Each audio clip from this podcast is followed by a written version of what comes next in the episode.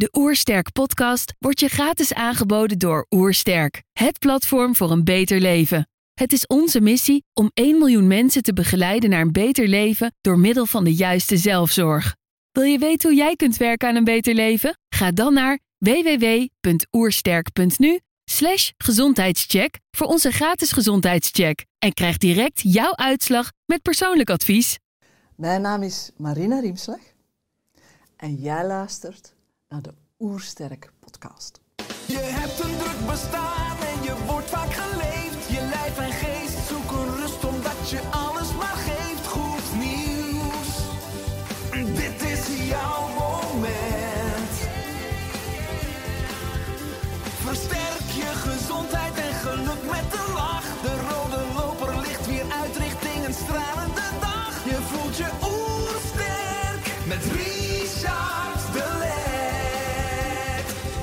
Zijn hier in Heemskerk voor een podcast met Marina Riemslag.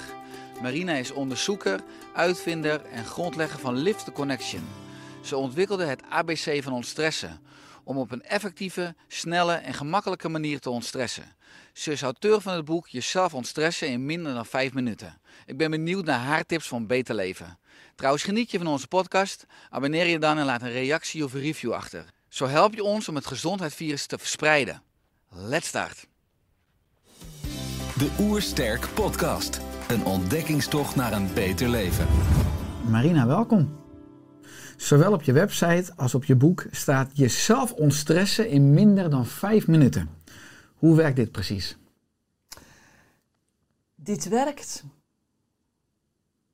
door. Dit, eigenlijk is het een heel eenvoudig vijf-stappenplan. En het dient om de triggers die in jouw brein jou in alarm brengen en jou in stress brengen, door die aan elkaar te verbinden. En daardoor kom je vanzelf in rust.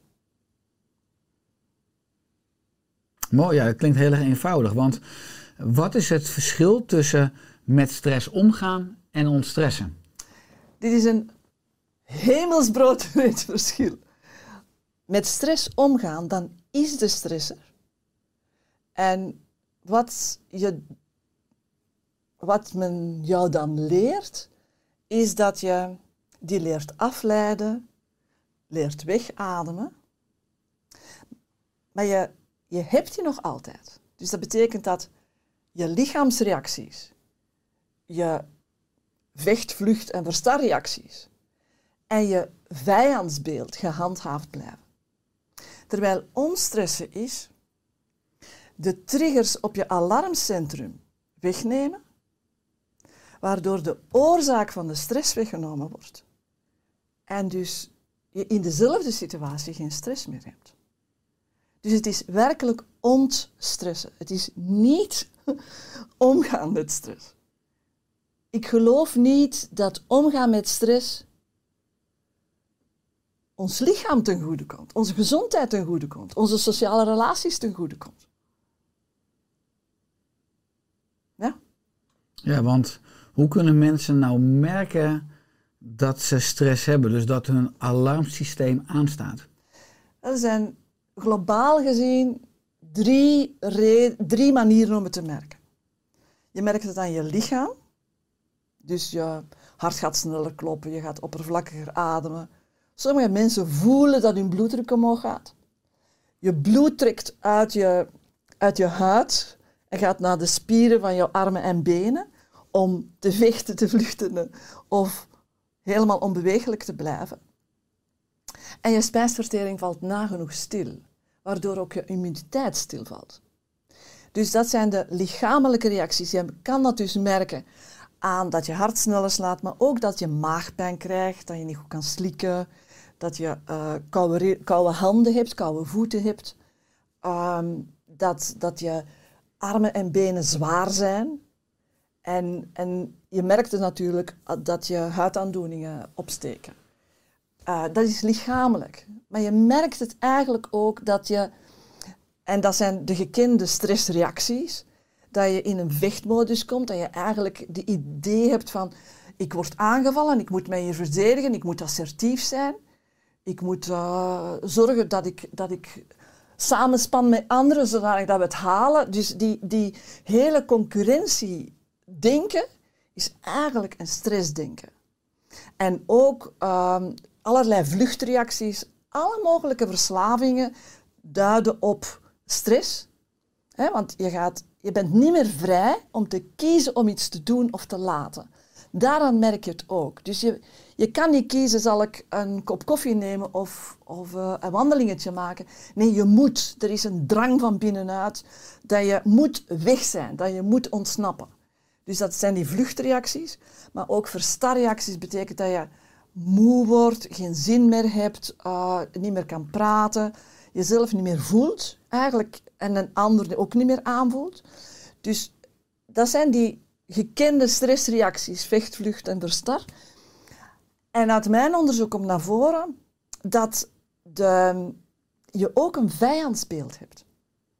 Dus zodra dat je de ander als een mogelijke aanvaller, iemand die tegen jou is, iemand die jou wil straffen, die jou wil betrappen, iemand die uh, niet, niet oké is met jou. Zodra je die iemand anders zo gaat bekijken, is jouw brein in stress. Dus er zijn eigenlijk drie categorieën van waaraan je het kan merken dat je in stress bent.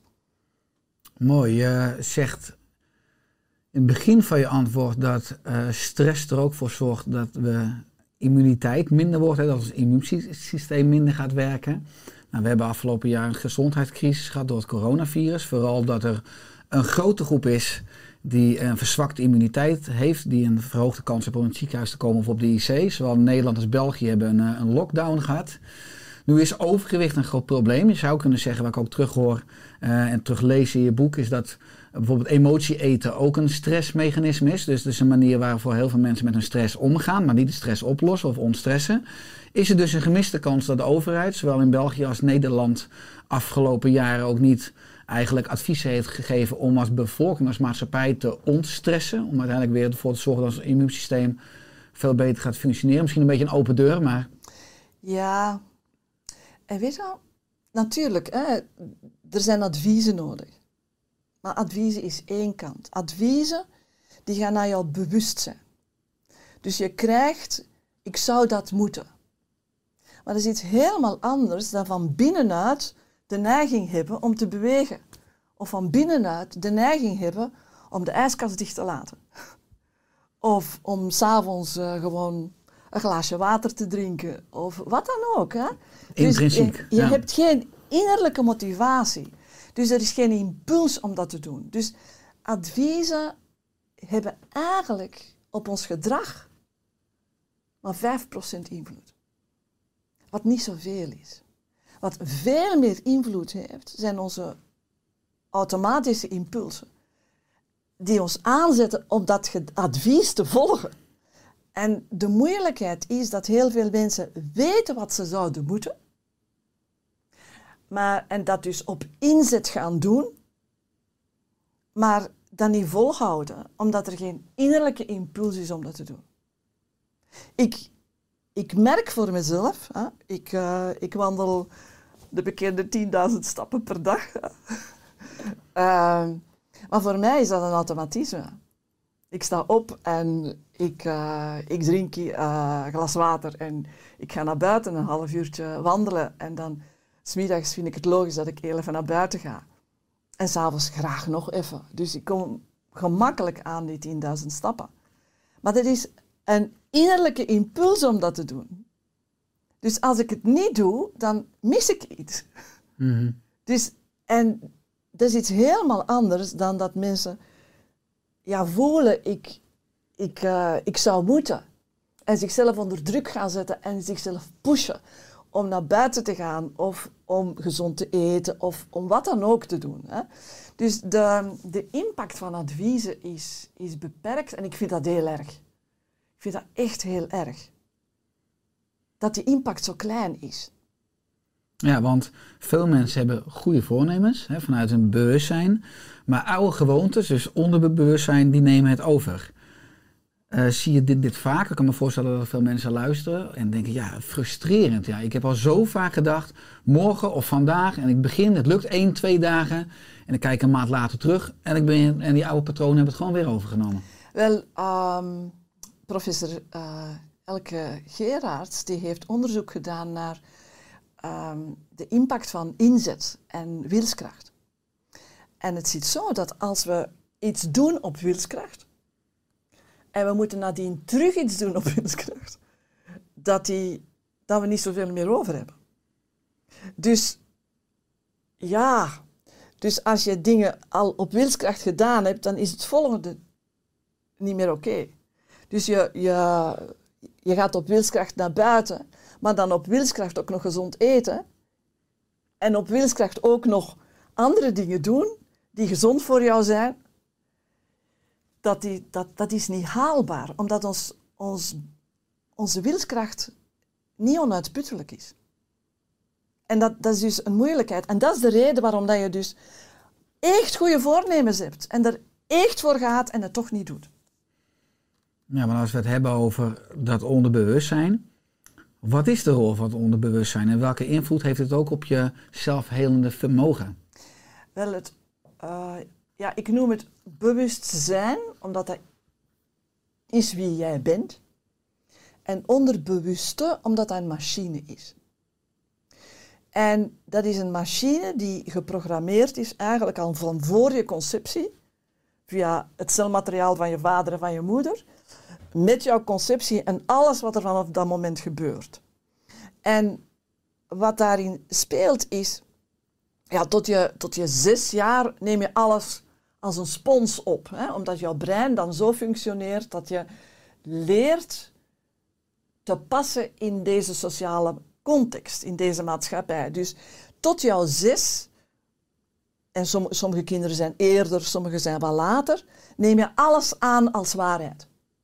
Je hebt nog geen kritisch denken. Je hebt geen kritisch denken en dat betekent dus je hebt geen filter waarmee je kan zeggen, ja klopt dit nu wel of klopt dit nu niet.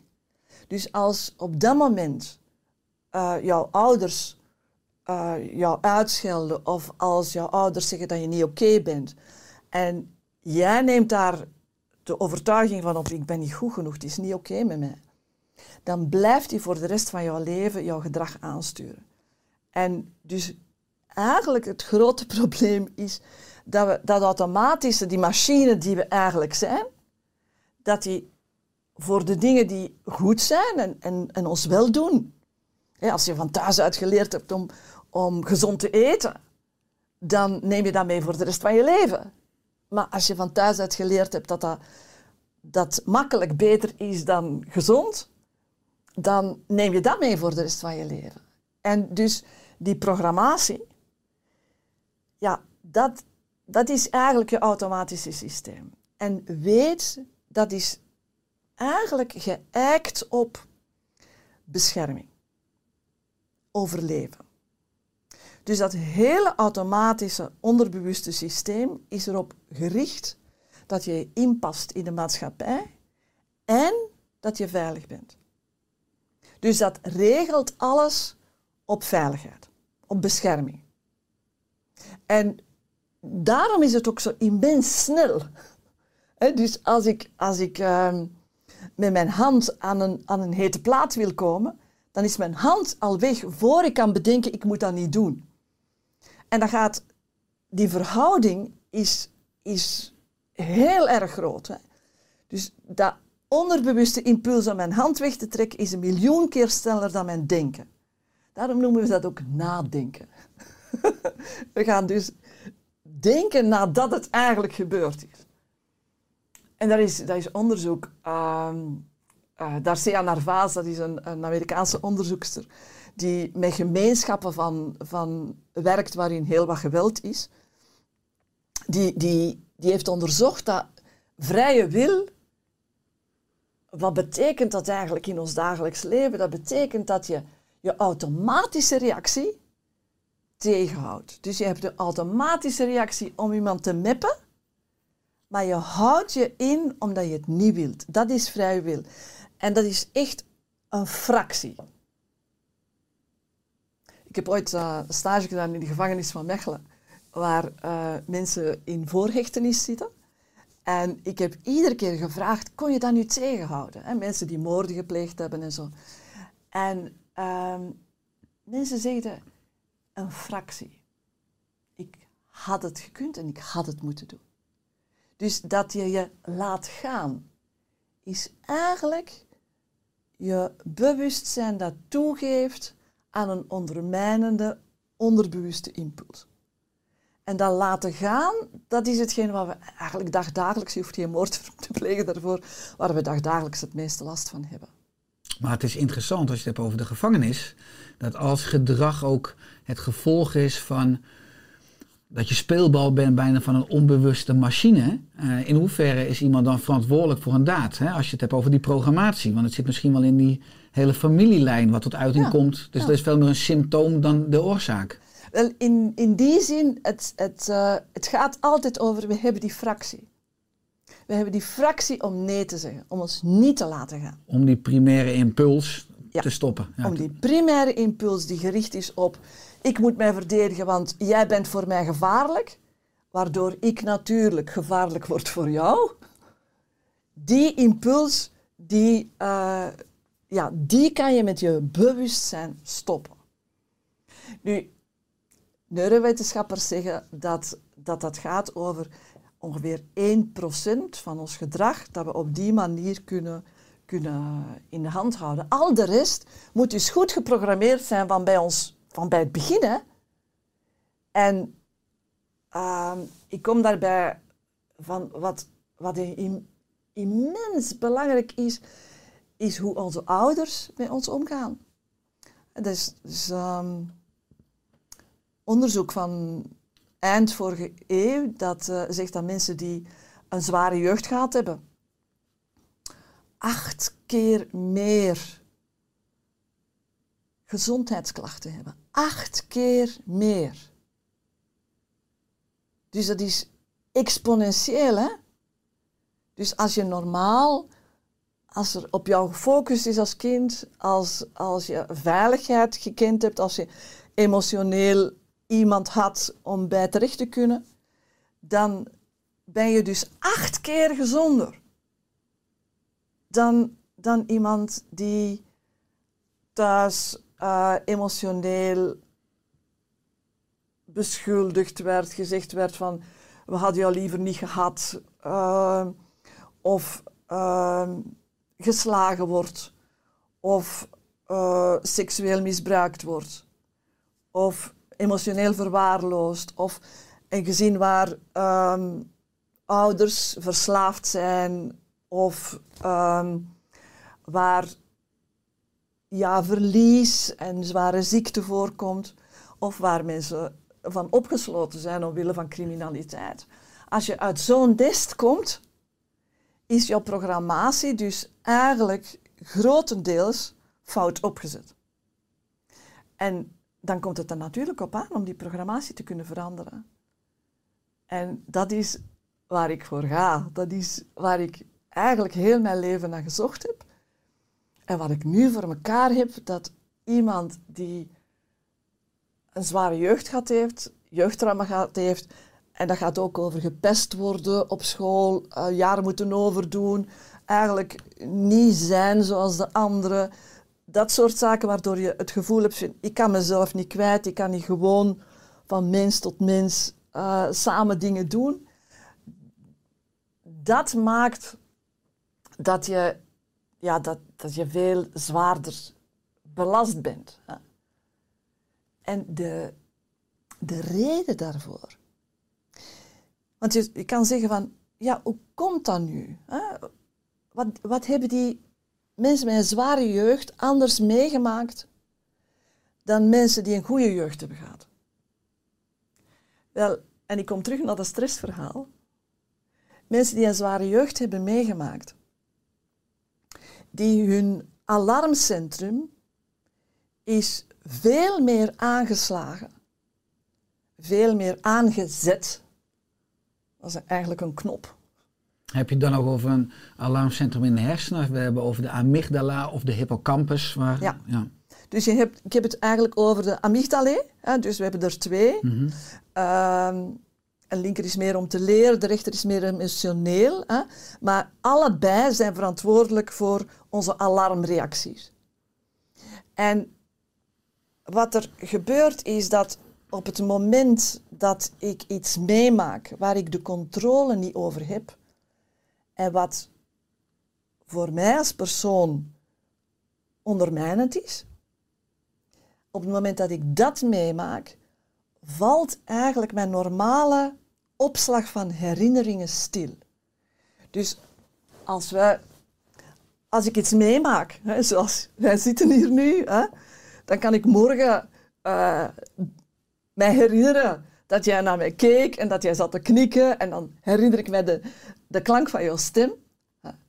Maar als jij mij ineens zou aanvallen en ik zou de controle verliezen, wat dus gebeurt als kind in al die situaties, dan valt soms maar een paar seconden mijn bewustzijn uit. En dan wat ik allemaal zie, hoor, ruik, voel en proef, dus die zintuigelijke signalen, die worden aan mijn alarmcentrum geplakt. En vanop dat moment ga ik iedereen die op jou lijkt, zintuigelijk, of die op dezelfde manier zit of dezelfde klank van stem heeft, ga, als ik die meemaak, mijn zintuigelijke signalen, mijn, mijn alarmcentrum aanslaan, waardoor mijn hele lichaam in stress gaat. Dus, en als, mij, als dat gebeurt, als mijn alarmcentrum aanslaat, dan is mijn brein niet meer hier en nu, maar is dat in het verleden waar ik dat controleverlies heb meegemaakt. Dus dan heb ik angst, dan ga ik in paniek, dan, dan, dan uh, dat wil ik niet meer. Daar dient trouwens dat alarmcentrum voor, om mij te beschermen dat het niet terug opnieuw gebeurt. En dan, dan krijg je dus i- grote irritatie of paniek, of dan, dan ga ik buitensporig reageren. Maar ja, natuurlijk, als ik buitensporig reageer, dan maak jij weer controleverlies mee. Want dan weet jij niet wat je overkomt en dan uh, gebeuren er dus. Dus je zou kunnen zeggen dat dat een, iets is dat ook door families, van generatie op generatie, wordt doorgegeven. En mijn grootmoeder, die riep, mijn moeder, die riep op de kinderen. Ik riep op mijn kinderen, hoewel ik dat absoluut niet wou. En zo gaat dat met uh, slaan en zo gaat dat met, met verwaarlozing. Je, je wilt dit absoluut niet. Je gaat dus met je bewustzijn in tegen die impuls die je hebt. Maar die impuls is dus een miljoen keer sterker. En het kost jou heel veel inzet. En toch krijg je niet die gewenste resultaten. Dus dat is eigenlijk een heel pijnlijke affaire. En we kunnen die alleen veranderen door dat brein te herprogrammeren. Ja, maar als ik een stapje terug ga doen, hè, want tot vijf jaar geleden, je hebt enorm veel opleidingen gedaan en je hebt je in stromingen ondergedompeld. Hè, je bent een onderzoeker, je bent een uitvinder en je bent iets gaan kraken, hè, nu hoe we die programmatie weer kunnen doorbreken, in balans kunnen brengen. En in 2016 besloot je om je eigen concept te creëren, methode te creëren. Specifiek te zijn 12 december 2016. Uh, wat gebeurde daar? Wel, ik besefte dat ik was toen een andere methode uh, heel actief mee bezig. En ik besefte, dat liep niet met de organisatie. En uh, er ging ook iets veranderen aan, aan de manier waarop er gewerkt werd. En ik dacht, ja, ik kan dat niet meer eerlijk doen. En vanuit mijn onderzoek is stress altijd een heel grote interesse geweest. En toen, uh, op het moment dat ik, dat ik besefte, okay, ik, ik zal moeten staan voor mezelf in plaats van, ja, andere dingen waar ik, waar ik eigenlijk niet helemaal in pas neer te zetten. Uh, dus ik zal moeten gaan staan. Toen, ja, dat, dat was een enorm enthousiaste nacht. De nacht van 16 december 2016. Eh, Ja. 12 december, 12 december. Omdat ik toen alle puzzelstukjes in elkaar vielen. Dat was een En- zogenoemde aha-ervaring. Die was echt aha. Aha, ja natuurlijk. Het gaat over eh mij verbinden met liefde. Dus daar zitten enorm veel elementen in van verschillende andere methoden. Maar de, het samengaan van, van, die, van die verschillende elementen maakt dat het zo krachtig en zo snel gaat, eh Liefde Connection. En eh, wat, wat mij ook heel erg aan het hart gaat, is dat mensen het zelf kunnen doen. Ik heb dus, ehm, ja, ik heb zelf ook heel wat hulp gezocht en mij iedere keer inderdaad verdiept in, in verschillende methoden. En wat ik het meest gemist heb, is dat ik het zelf zou kunnen doen. Bijvoorbeeld ehm, EMDR, ik moest dan naar een, een therapeut gaan, eh, ik, ik contextuele therapie, ik moest dan naar een therapeut. Maar tussen een therapiesessie in was ik overgeleverd aan mijn controleverlies. En dus, ja, daar kom je niet vooruit. En dus dat, als je jeugdtrauma hebt te- gehad, ook al kan je daarmee omgaan, hè? dat is hetzelfde verhaal, ik kon daarmee omgaan. Maar dat kostte heel veel inzet en inspanning. En mijn brein zat nog de helft van de tijd in, in, in herhalingsgedrag. En dus, ja, ik miste dus iets, de tools om mezelf te helpen. En daar ben ik enorm blij mee, dat die, dat die dus, dat mijn Liefde Connection mensen dit zelf kunnen. Ja, mooi, want die nacht en die klik zorgde er ook voor dat je geen oog dicht deed. En dan ben je gaan schrijven. En het hele concept, eh, al die puzzelstokken, stukken die eh, nou ja, in je hoofd dan samenvielen, ben je gaan uitwerken, gaan opschrijven. Ja. Wat geleid heeft tot dit concept, hè, deze methode. Eh, het boeiende is namelijk, als we nog een paar stapjes terug doen, dat je startte als ziekenhuisverpleegkundige hè, in 1979. Eh, je besloot tien jaar later een religieuze studie te gaan doen. Hè? Eh, hoe kwam dat? Want het is natuurlijk boeiend ook voor de luisteraar. Je hebt inmiddels een master in religiewetenschappen. En voor mij heb je ook een tweede master, hè? De theologie. Ja. Ja. Nu, ik eh, ben, ja, toen ik besloot om verpleegkundige te worden, moest iedereen bij mij thuis heel erg lachen. Want ik viel flauw als ik bloed zag. Dus dat is niet de geschikte eh, manier om aan verpleegkunde te beginnen. Dus ik heb ook gedurende mijn studie behoorlijk wat plat gelegen. Ehm, en dat is dus controleverlies. Hè? Omdat er in mijn geschiedenis een eh, controleverlies zat met bloed. Hè? Dus ja, nu weet ik dat. Nu is dat weg. Hè? Maar, ehm, maar ik ben me dus heel erg in het lichaam van gaan verdiepen. En ik, eh, ik heb als eh, algemeen ziekenhuisverpleegkundige in psychiatrie gaan werken. Om toch een deel van eh, dat bloederige gedoe te, te omzeilen. Hè? Dat is omgaan met. Ehm, maar dan... Op ja, ik was nachtverpleegkundige, dus ik, ik had een grote zelfstandigheid. En op een nacht was een vrouw aan het sterven waar in haar dossier stond dat zij misbruikt was door haar schoonzoon. En die vrouw kon niet sterven. En ik heb toen haar ehm, in mijn armen genomen en haar zachtjes gestreeld. En haar de veiligheid gegeven die ze nodig had. En zij is in mijn armen gestorven. En ik ben eigenlijk uit mijn kader van verpleegkundige gestapt omdat de verpleegkundige verzorgt. En in die verzorging zit toch ook altijd een beetje objectivering van de patiënt. En voor mij was dat deze mens, die niet kan sterven omdat haar basisveiligheid ondermijnd is. En ik ben toen thuisgekomen en ik heb gezegd van, ja, ik blijf bij jou tegen mijn, tegen mijn man en bij de kinderen. Maar wat ik verder met mijn leven doe, dat weet ik niet. En toen ben ik dus gaan zoeken en ben ik dus geestelijk verzorger geworden. En ehm, ook daar heb ik in, in ziekenhuizen gewerkt. Ik, ik heb 30 jaar in ziekenhuizen gewerkt. En weer altijd de, altijd de mens aan de rand opgezocht. Hè. Dus ik heb stage gedaan bij mensen met AIDS. Ik heb, eh, en uiteindelijk in een nationaal multiple sclerose, waar, waar mensen aftakelen. eh, neurologisch. Ehm, en altijd weer gezocht naar hoe waar komt dit vandaan? Wat maakt dat iemand zijn leven, zijn lichaam, zijn psyche ondermijnd geraakt? En uiteindelijk is dat antwoord pas aan het eind van mijn doctoraatstudie gekomen, waarbij ik eh, eigenlijk onderzoek gedaan heb naar hoe komt het dat we ons als professionals geregeld niet correct gedragen.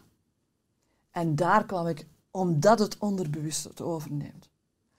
Want ons onderbewust is op onze veiligheid gericht. Maar als mijn moeder of mijn vader tegen mij zegt dat ik alleen veilig ben als ik mezelf dom vind, dan geraakt dat automatische systeem verkeerd georiënteerd. Dan ga ik dus mezelf saboteren, want dan ga ik alleen maar dom zijn creëren. En dat geldt zo voor heel veel dingen. Als ik dus hoor van alleen als je mij gehoorzaamt en jou laat misbruiken, ben jij veilig. Dan ga ik dus in de rest van mijn leven misbruik zoeken. Dan kom ik met een partner terecht die, die, die, uh, die mij slaat of die mij uh, ook misbruikt. Dus die programmatie van in het begin door de ouders en door de andere zorgverleners, want op school, leraren en zo hebben natuurlijk ook een hele grote invloed. Ja, dat heeft een enorme impact. En die kunnen maken dat dat automatische systeem dat goed in elkaar zit, voor jouw veiligheid zorgt, dat dat dus een halve slag ommaakt, waardoor dit zich tegen jou gaat keren. En dat is wat mensen die misbruik hebben ervaren, uh, ik zeg nu misbruik, maar dus uh, geslagen zijn of wat dan ook in hun leven, dat die ervaren dat die zich eigenlijk aan het saboteren zijn.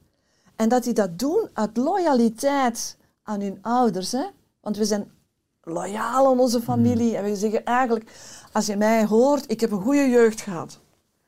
Tot we in de dag gaan kijken, dan denk ik dat ik uh, van, de, van de tien categorieën van uh, jeugdtrauma er zeker vijf heb meegemaakt.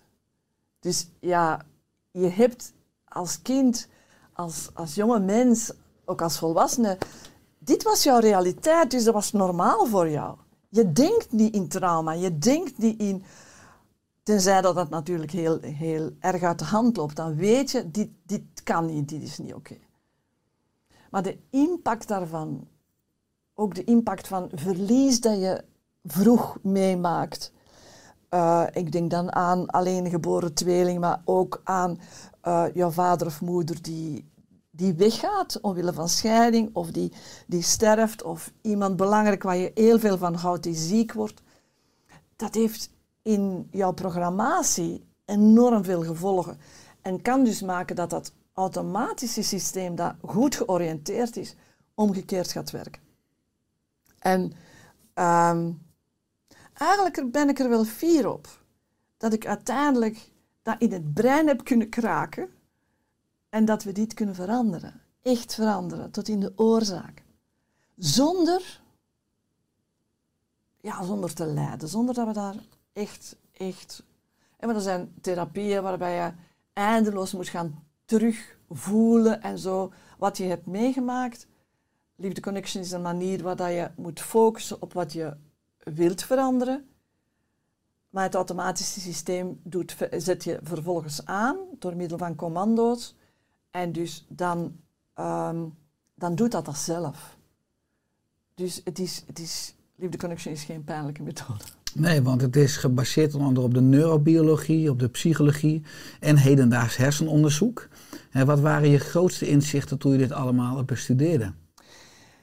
Ik denk het grootste inzicht is controleverlies. De impact van controleverlies op ons lichaam. En um, Pieter Levine uh, beschrijft in zijn boek helemaal aan het eind hoe de een jongen... ontwaakt? Hm? Ja, in De Tijger ontwaakt, uh, of het tweede boek. Um, eh, zegt hij aan het eind dat een jonge onderzoeker in 2000 ongeveer vindt hoe dat hij die amygdala kan vrijmaken. En dat is Karim Nedernuza, een Canadese prof. Die deed onderzoek rond eh, de opslag van herinneringen. En die had ratten ge- geconditioneerd. Hij had die een geluid laten horen. En dan eh, had hij die een elektroshock gegeven. En dan was hij heel benieuwd eerst van hoeveel generaties blijft dat nu duren. En dan blijkt dat dat minstens vijf generaties, na vijf generaties, reageerden die ratten nog op dat geluid. Dus dat betekent, er zijn heel wat, is controleverlies van onze voorouders, dat in ons systeem blijft doorgaan. Net zoals bij die ratten, die reageren met paniek op dat geluid. Dat is iets dat ik belangrijk vind, omdat niet alle stress komt uit jouw leven. Het is stress dat, dat je meedraagt uit de oorlog en de honger die jouw familie heeft meegemaakt. En waardoor je dus ja, jezelf gaat beschermen en beschermreacties gaat hebben. En dus dingen doet die niet zo gezond zijn. Ehm, maar het andere onderzoek dat, dat Neder deed, hij, hij zei als, als er alarmen, dat alarm van dat geluid, aan die amygdala plakt, dan moet dat alarm er ook af kunnen. Dus had hij bedacht, eh, er is een ja, alles in ons lichaam plakt aan elkaar met eiwitten. Hè? En dus hij had een antibioticum, een, een eiwitoplossend middel gevonden, anisomycine. En hij spoot dat, hij spoot in in de amygdala van die rat, terwijl hij die dat geluid liet horen. En ja, op dat moment wonder boven wonder, want iedereen had me gek verklaard. Dat kon niet. Eens getraumatiseerd, blijf je getraumatiseerd. Op dat moment loste dat op en nam het zelfhelende vermogen van die rat het over. En die rat reageerde niet meer op dat geluid. Nu, wij kunnen bij mensen Medisch-ethisch lastig, ja. niet zomaar, eh, trouwens, een eiwitoplossend eh middel, dat zou eh, dementie en Parkinson en zo teweeg brengen. Dat moeten we niet hebben. Maar het principe is dat we dus verbindingen leggen. Dus eigenlijk van die alarmen terug een gewone herinnering maken. En door dat te doen, zijn die ook weg. En dus dat kunnen we zelf. Mooi, want je hebt een stappenplan met vijf stappen. Met liefde als grote drijf. Hè. Wat is liefde voor jou? Liefde is, ehm, ja, je kan liefde een gevoel noemen, maar eigenlijk is liefde fair zijn. Is, is het meest diepe, ja, is respect met een kwaliteit. Dus respect, je kan neutraal respect hebben, maar liefde geeft daar warmte bij en verbondenheid. En die, ja, eigenlijk begint iedere, ieder proces, ieder vijf stappenplan met ga naar een plek in je lichaam waar jij liefde ervaart. Dus je gaat naar een plek in je lichaam. Daardoor doe je twee dingen. Je brengt je lichaam automatisch in homeostase. Dat weten we van eind vorige eeuw. Dat zodra je naar een plek in je lichaam gaat, jouw lichaam zich op, opnieuw op zelfheling gaat reorganiseren. En je beseft, hé, hey, ik ben liefde. En dus dat is mijn drijfveer. Dus je komt bij wie je te zijn hebt. En wie je ten diepste verlangt om te zijn. Dus dat, dat is jouw zijnskwaliteit. En doordat je daarmee connecteert bij het begin, gaat zo'n verbindingsproces ook immens snel. Want je hebt je juiste oriëntatie eerst uh, genomen. En dan ga je focussen van, oké, okay, wat wil ik hier nu veranderen? Maar het is die liefde die, die, die dat drijft. Dus dat ultieme zelfrespect. Voorbij alle programmatie. Mm -hmm. Dus je gaat eigenlijk naar, ja, naar jouw wezen. En wie je weet dat je dat te zijn hebt. Mooi, ja, ik vind het ook mooi als je kijkt naar jouw wezen en ook jouw verlangen om mensen in de wereld dus ook echt beter te maken, vrijer te maken. Uh, ik zie ook op je website dat je bijvoorbeeld lagere prijzen hebt voor mensen die alleenstaand zijn, of mensen die lage inkomsten hebben. Eh, wat drijft jou om iedereen te willen helpen? Wat mij drijft om iedereen, te, iedereen te helpen zichzelf te helpen. Eh, Want dat is, dat is mijn, mijn drive. Ik wil niet iedereen, iedereen de tools in handen Ja, te geven iedereen, zodat ze zichzelf kunnen helpen. Ja. Ja, dat is. eh, eh, omdat dat mijn diepste verlangen geweest is. Dat is dus mijn eigen verlangen. En als ik. Dat is ook het verlangen van kleuter af aan hebben wij het verlangen. Ik wil het zelf doen. Ik wil zelf eten. Ik wil zelf beslissen. Ik wil het zelf doen. Dus dat is een, eh, een enorme groeidynamiek in ons. En dat geeft ons zelfwaarde. Als ik het zelf kan en zelf doe, dan krijg ik veel meer zelfvertrouwen dan dat iemand anders het met mij doet. Dus dat bouwt mij innerlijk heel sterk op. En eh, ja, als je het gewoon praktisch zou, zou zien, dan zou je zeggen, ik leer mensen en zichzelf te helpen, zodanig dat ik het niet meer moet doen. Want ik, eh, ja, het, haalt niet uit dat ik een overvolle praktijk heb. Eh, terwijl ik uiteindelijk toch niet de kern raak. Want de kern is van ieder levend wezen, ik wil het zelf doen. Dat is natuurlijk wel heel mooi dat je zegt, je hebt mensen begeleid aan de rand van de maatschappij, ook in de psychiatrie, ook als geestelijk verzorger. Maar je komt misschien ook veel eerder aan de rand natuurlijk als je niet op een effectieve manier met stress omgaat.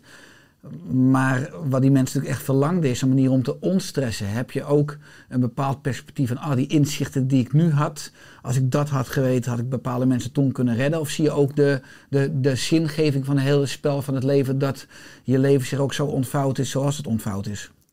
Wel,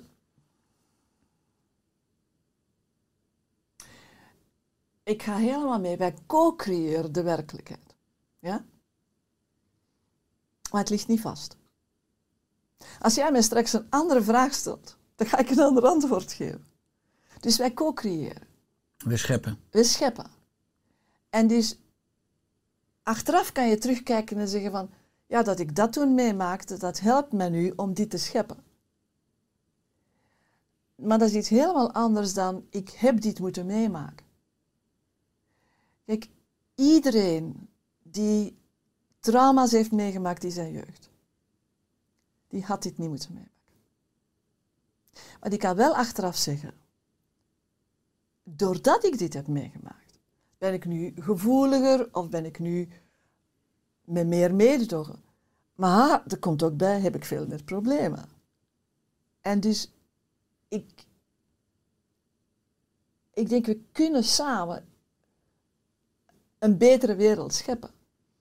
Door ja, die ballast die aan, aan die alarmcentra hangen, om die echt weg te nemen, waardoor ik vanzelf dit ga creëren, dit over en weer, deze verbinding in mijn lichaam en, en met de ander.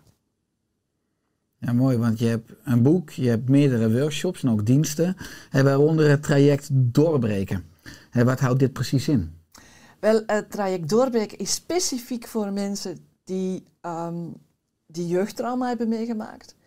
Die weten, ik ben al aan zoveel hulpverleners geweest, ik ben altijd even geholpen en dan herval ik of dan merk ik, ik ben toch niet echt thuisgekomen in mezelf, er is toch geen vrede in mezelf. Ik blijf gefixeerd, ik blijf heel erg bezig met wat er toen allemaal is gebeurd. En, ehm, dat is doorbreken, traject doorbreken is een elf maanden traject, waarbij mensen enerzijds alle tools leren aan een ritme van gemiddeld twee dagen per maand. Maar ze kunnen dat ook sneller en ze kunnen al die, al die workshops ook herhalen, omdat ze, als ze zeggen ik wil vooruit, ik wil vooruit, dan kan dat ook op eigen tempo. En waarbij ze tegelijk iedere week een vast praktijkmoment hebben. En waarbij ze dus in, in tweetallen uh, in geven en ontvangen met elkaar werken. Waardoor dat die, die opbouw van het weten, ik, ik, um, ik, ik ga mij elf maanden focussen om die rotzooi uit mijn leven op te ruimen. En na die elf maanden heb je alle tools, maar heb je ook de gewoonte ontwikkeld om met jezelf aan de slag te gaan en om de volle verantwoordelijkheid te nemen voor jezelf, voor wat je doet, voor wat je laat. Dus dat, ehm, dat eigen leiderschap en dat zelfbeheer is eigenlijk na die elf maanden bijna gegarandeerd. Hè? Omdat, omdat je die gewoonte echt effectief ontwikkeld hebt. En dus dat is eh, een intensief traject, omdat je voortdurend met jezelf aan de slag bent en uh, de problemen. Eerst je leert ontstressen, je leert je brein programmeren en dan leer je alles wat jou de verkeerde kant heeft uitgestuurd, leer je terugdraaien. Dus je leert zelfsabotage oplossen, je leert uh, dingen uit je familie opschonen, je leert, uh, en er is een driedaagse workshop voor mensen die grensoverschrijdend gedrag hebben meegemaakt, zowel emotioneel als fysiek, als seksueel. En er is een driedaagse workshop voor mensen voor alle programmatie van voor jouw geboorte.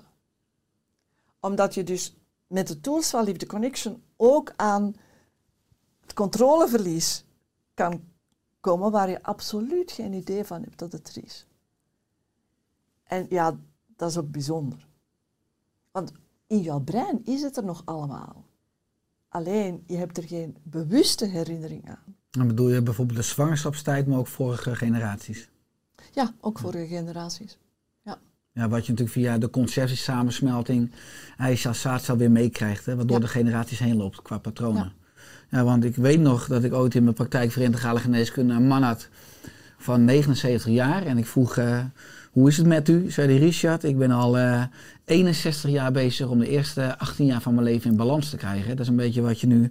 Dus als mensen gebruik maken hè, van uh, jou en jullie diensten, welke resultaten zie je bij deelnemers? Want ik kan het natuurlijk voorstellen dat, het, nou, dat, dat mensen weer uh, de hemel bereiken als ze hun leven en hun innerlijke rust weer, weer terugkrijgen.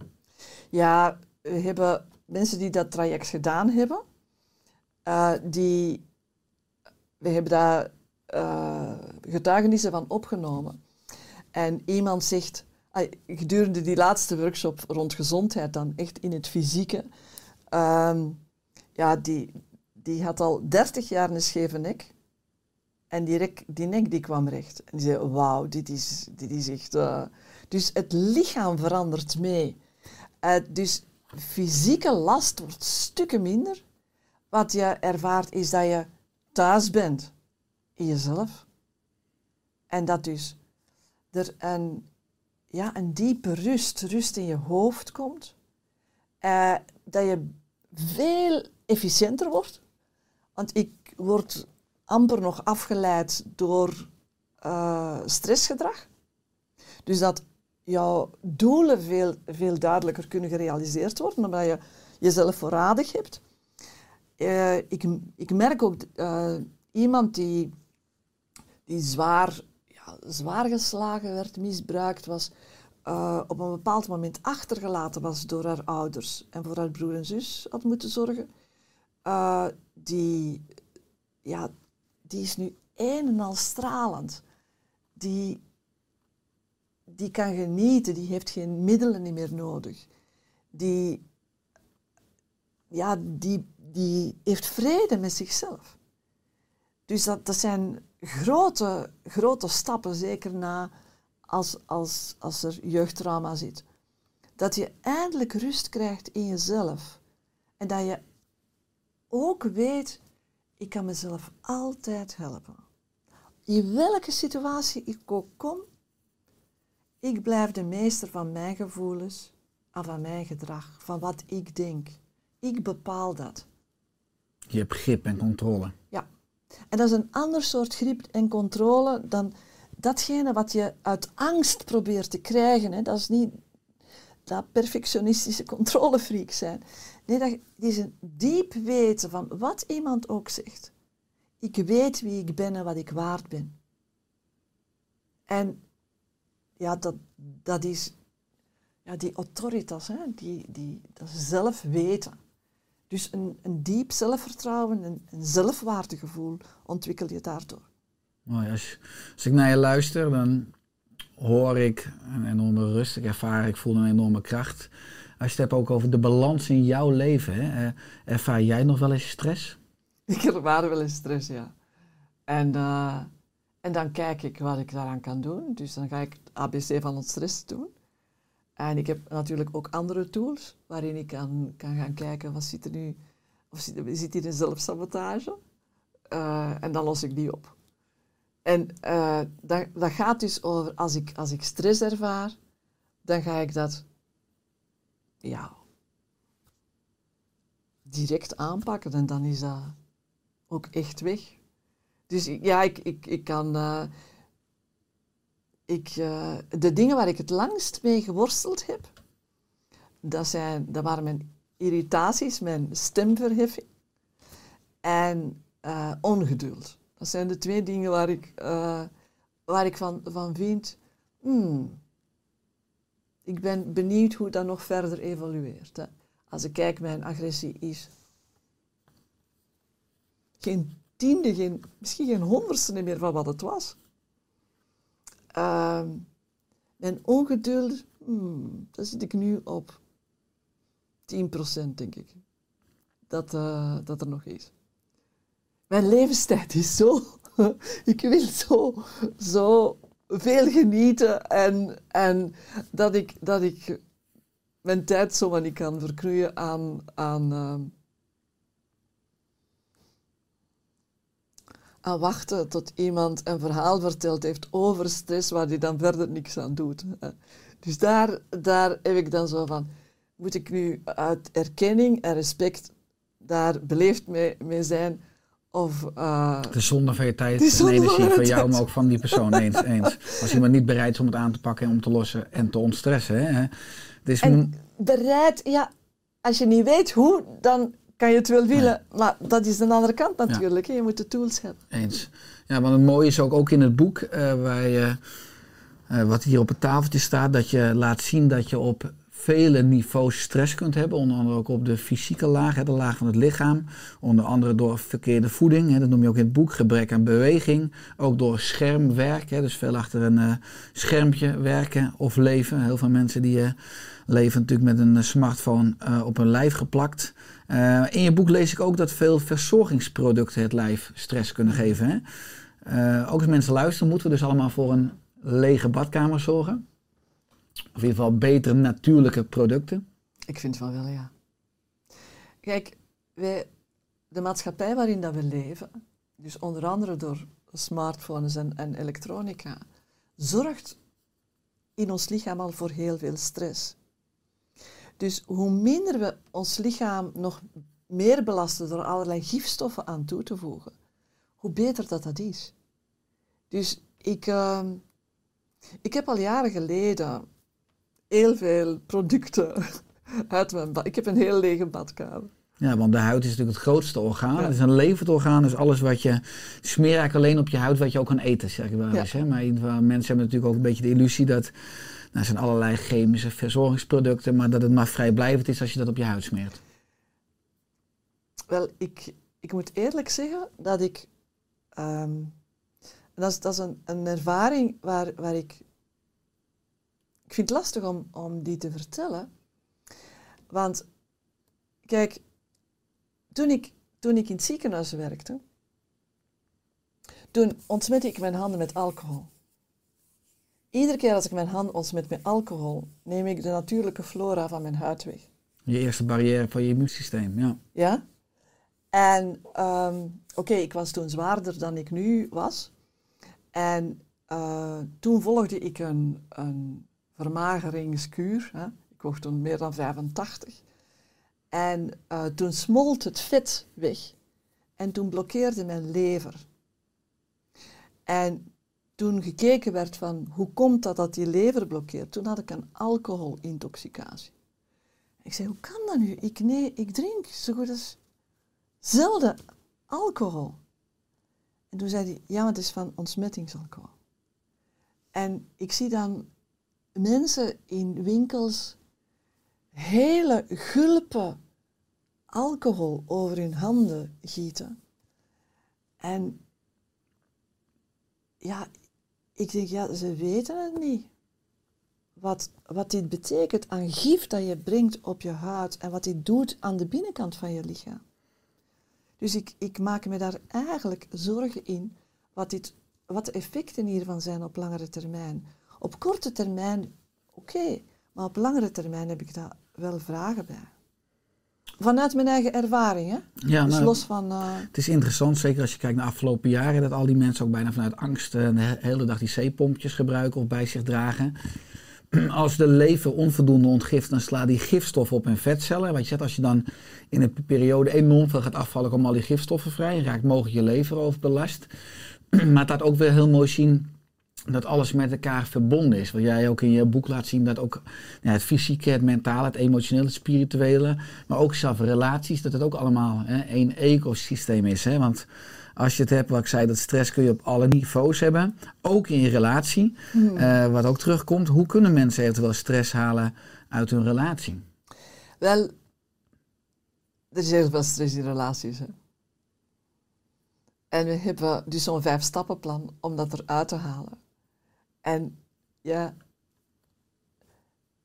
in relaties, ehm, die, die stress.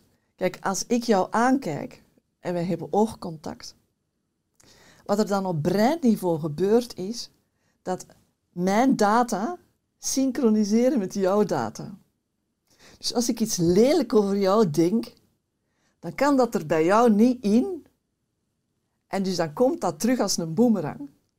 En dan vind ik het moeilijk om jou aan te kijken. Dan, dan, ehm, want mijn gedachten, mijn oordelen over jou, zitten mij eigenlijk in de weg om jou open aan te kijken. En dus wat, wat we doen is, we, we, we laten dit oogcontact eigenlijk, we halen de hele lading eruit. En ja, we doen dat een stuk op symbolisch niveau, omdat voor het onderbewuste, voor onze aansturing, het geen verschil maakt of je iets letterlijk, concreet doet of op symbolisch niveau. Daarom werken rituelen. Hè? En dus we gaan dat doen op symbolisch niveau, waardoor dat eh, ik met jou die stress kan weghalen, maar dat ik dat ook met mijn moeder kan, die bijvoorbeeld overleden is. En dus door dat op, een, op symbolisch niveau eh, weg te nemen. Ja, de resultaten dat zijn, daarvan zijn fenomenaal. Ik, ja, als, als ik kijk nu naar mijn eigen relaties, als ik merk dat er, dat er lading zit in een relatie, dan haal ik die eruit en dan, ja, dan is het weg. Ik, ik, ik herinner me dat, dat, eh, dat iemand zei van, ja, ik haal dat dan niet meer uit. En met, die, met, met mijn partner. En ik dacht, dat is toch zo zonde. Er is zoveel liefde tussen mensen. En dat, dat de stress, hè, dus dat aanslaan van ons alarm en ons vechtreactie, ons zo van elkaar verwijdert en liefde kapot maakt. Maar dat is, dat is dus op te lossen. Echt weg te halen. Mooi. Wat is je droom of je missie voor aankomend jaar of aankomende jaren? Ik, eh, ik droom ervan dat, eh, dat minstens duizend mensen hun jeugd, hun jeugd opruimen. En zichzelf leren herprogrammeren.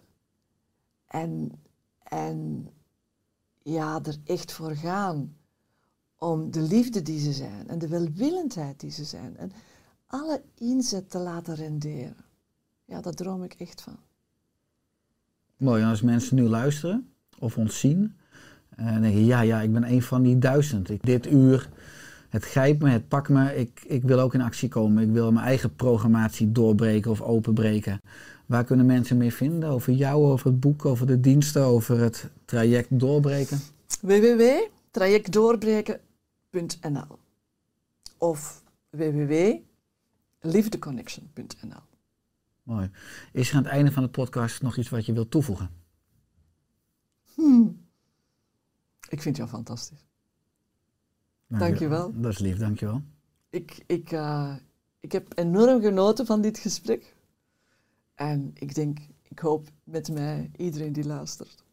Tijd is relatief, hè? Als je, eh, ja, als je elkaar ontmoet op een bepaald niveau, dus natuurlijk ook kwantumfysica, buiten ruimte en tijd, dan is tijd eigenlijk veel te kort. Nu ook een uurtje, wij zouden uren kunnen praten. Maar eh, dank Marina voor je komst in de Oerstek podcast. En ik hoop oprecht dat veel luisteraars, kijkers eh, geïnspireerd zijn om uiteindelijk ook die tools in handen te krijgen. En dat we onszelf veel meer als wereld, als maatschappij, als mens gaan ontstressen. Eh, en daarmee het beste van onszelf veel meer aanspreken, ontmoeten. En daarmee ook het beste van onszelf aan de wereld kunnen geven. Mm. Dankjewel en alle goeds aankomende tijd met je mooie missie. Dank je wel.